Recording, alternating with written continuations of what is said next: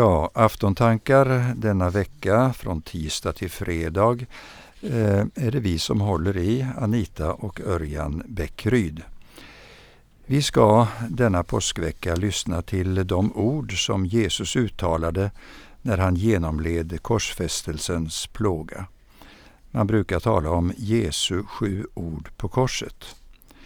Korsfästelsen var ett av de allra värsta sätten att dö på. Syftet var att förnedra och plåga den dömde inför allas åsyn och därigenom tjäna som ett avskräckande exempel.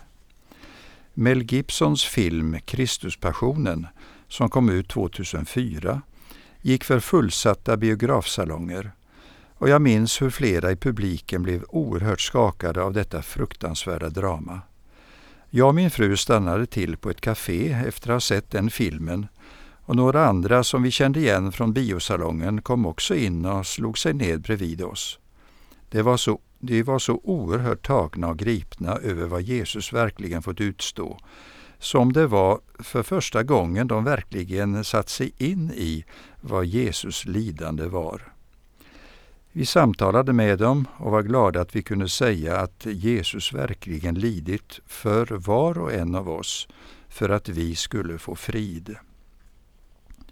Det fantastiska är att de fyra evangelisterna i sina skrifter i Bibeln nämner i tur och ordning de sju tillfällen då Jesus talade under sin korsfästelse. Flera gånger hade Jesus försökt att förvarna sina lärjungar om sitt förestående lidande, men det tycks inte ha gått in i deras medvetande. Det Jesus led och dog för har den största betydelse för oss människor idag. Paulus säger att Talet om korset är en dårskap för dem som går förlorade, men för oss som blir frälsta är det en Guds kraft. Vi som tror på Jesus upplever alltså Guds kraft i budskapet om korsfästelsen. Vi vet att det var där och då som människans synd, alla onda gärningar, blev försonade. När Gud själv skulle stiga in i vår syndiga värld kom han som ett litet barn och lades i en krubba. När det avgörande i Guds räddningsaktion gjordes var det en förnedrande korsdöd som Jesus Kristus fick genomlida. Märkliga och mäktiga handlingar i Guds plan för att rädda oss människor. Det första ordet Jesus sa på korset när spikarna trängts in i hans händer och fötter var Fader, förlåt dem, ty de vet inte vad de gör. Borde han då inte istället uttrycka sin vrede över det fullständigt orättvisa bemötande han fått? När vi tänker på hur ofta vi reagerar över små orättvisor i livet med kanske beskyllningar mot Gud och vredgade frågor om hur allt kan vara så orättvist. Inget av allt detta, som är så vanligt bland oss, kom över Jesu läppar. I sin djupaste smärta bad han sin fader att förlåta dem som drev spikarna genom hans händer och fötter. Och han kanske inte minst tänkte på dem som genom sin vägran att tro på honom drivit igenom hela denna fruktansvärda förföljelse mot honom. Alla som ropat Korsfäst honom, korsfäst honom. Fader, säger han i detta sitt första ord i hans mest förtvivlade stund på jorden. Fader. Hans gemenskap med honom var alltså inte bruten.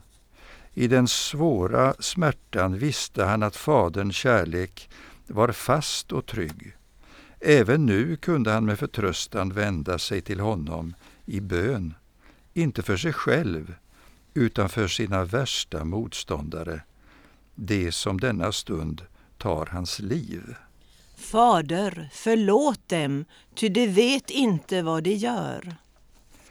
Jesus vägrar inte bara att söka hämnas, han finner en ursäkt för deras brutala handling. Han blir bödlarnas försvarsadvokat. Många stod där framför korset där Jesus hängde. Fariseerna, dessa stolta religiösa ledare, var blinda ledare. som ledde andra blinda. De ville försvara lagen men var blinda för profetiorna och skrifternas klara messiasbild. Paulus skriver om dessa religiösa ledare och det är också en beskrivning av alla som idag litar på sin egen visdom. Vi förkunnar Guds hemliga och fördolda vishet som Gud från evighet har bestämt ska bli till härlighet för oss. Den visheten har ingen av den här världens härskare känt. Hade de känt den skulle de inte ha korsfäst härlighetens Herre. Men skriften säger, vad ögat inte sett och örat inte hört och människans hjärta inte anat, det har Gud berett åt dem som älskar honom. Gud har uppenbarat det för oss genom sin Ande. Den visdom som kommer från Gud, den visdom som leder till räddning, kände de inte till. Saduséerna fanns också där, de som bland de religiösa ledarna förnekade uppståndelsen och som likt många bland oss idag säger när man är död är allting slut. Eller jag tror bara det jag kan se.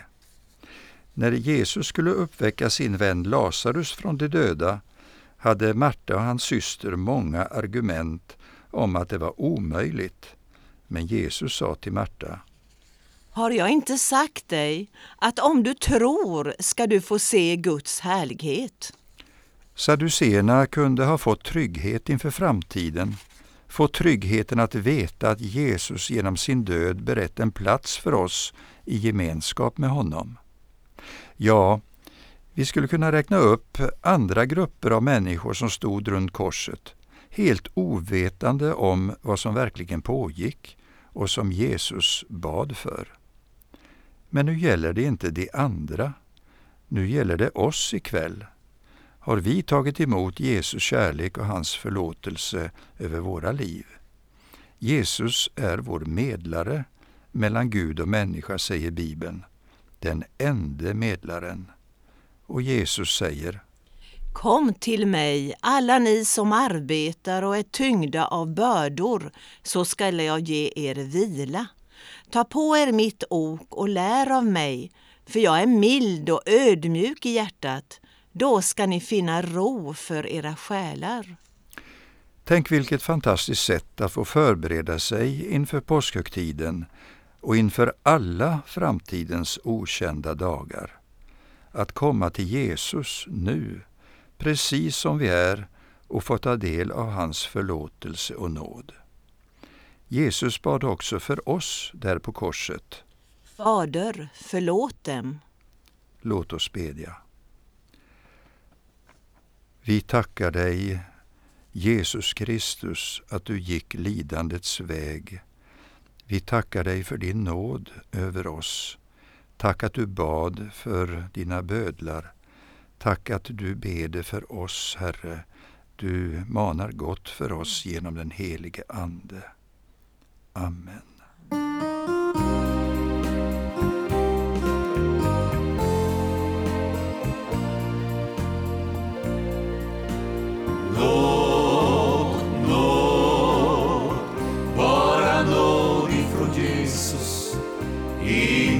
Fördömelse är över dig.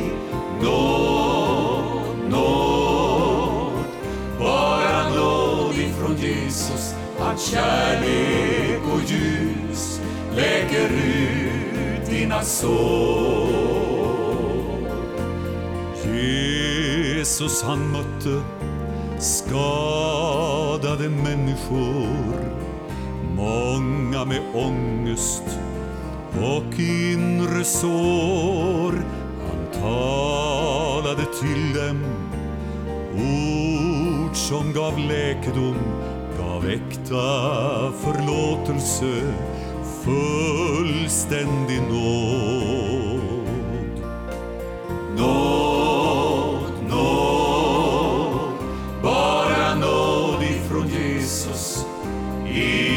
fördömelse är över dig.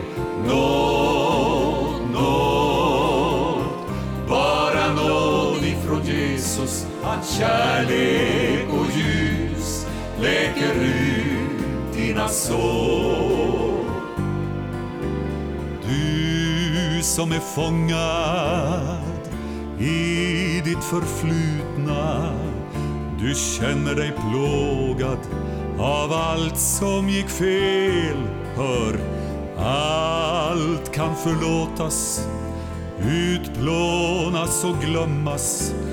Minnen som plågat dig helt rensas ut.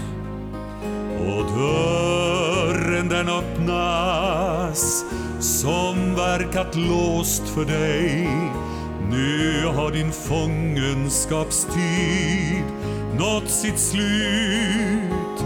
Frihetens klocka, den klingar så rent för dig. På soldränkt blomsteräng, nu leds du ut. Nåd, nåd, bara nåd ifrån Jesus Ingen fördömelse är över dig.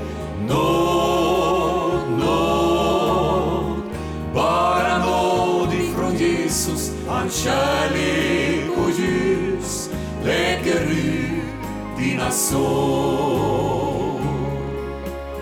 Nåd, nåd, bara nåd ifrån Jesus ingen fördömelse är över dig. Nåd, nåd, bara nåd ifrån Jesus. Hans kärlek och ljus läker ut dina sår. Hans kärlek och ljus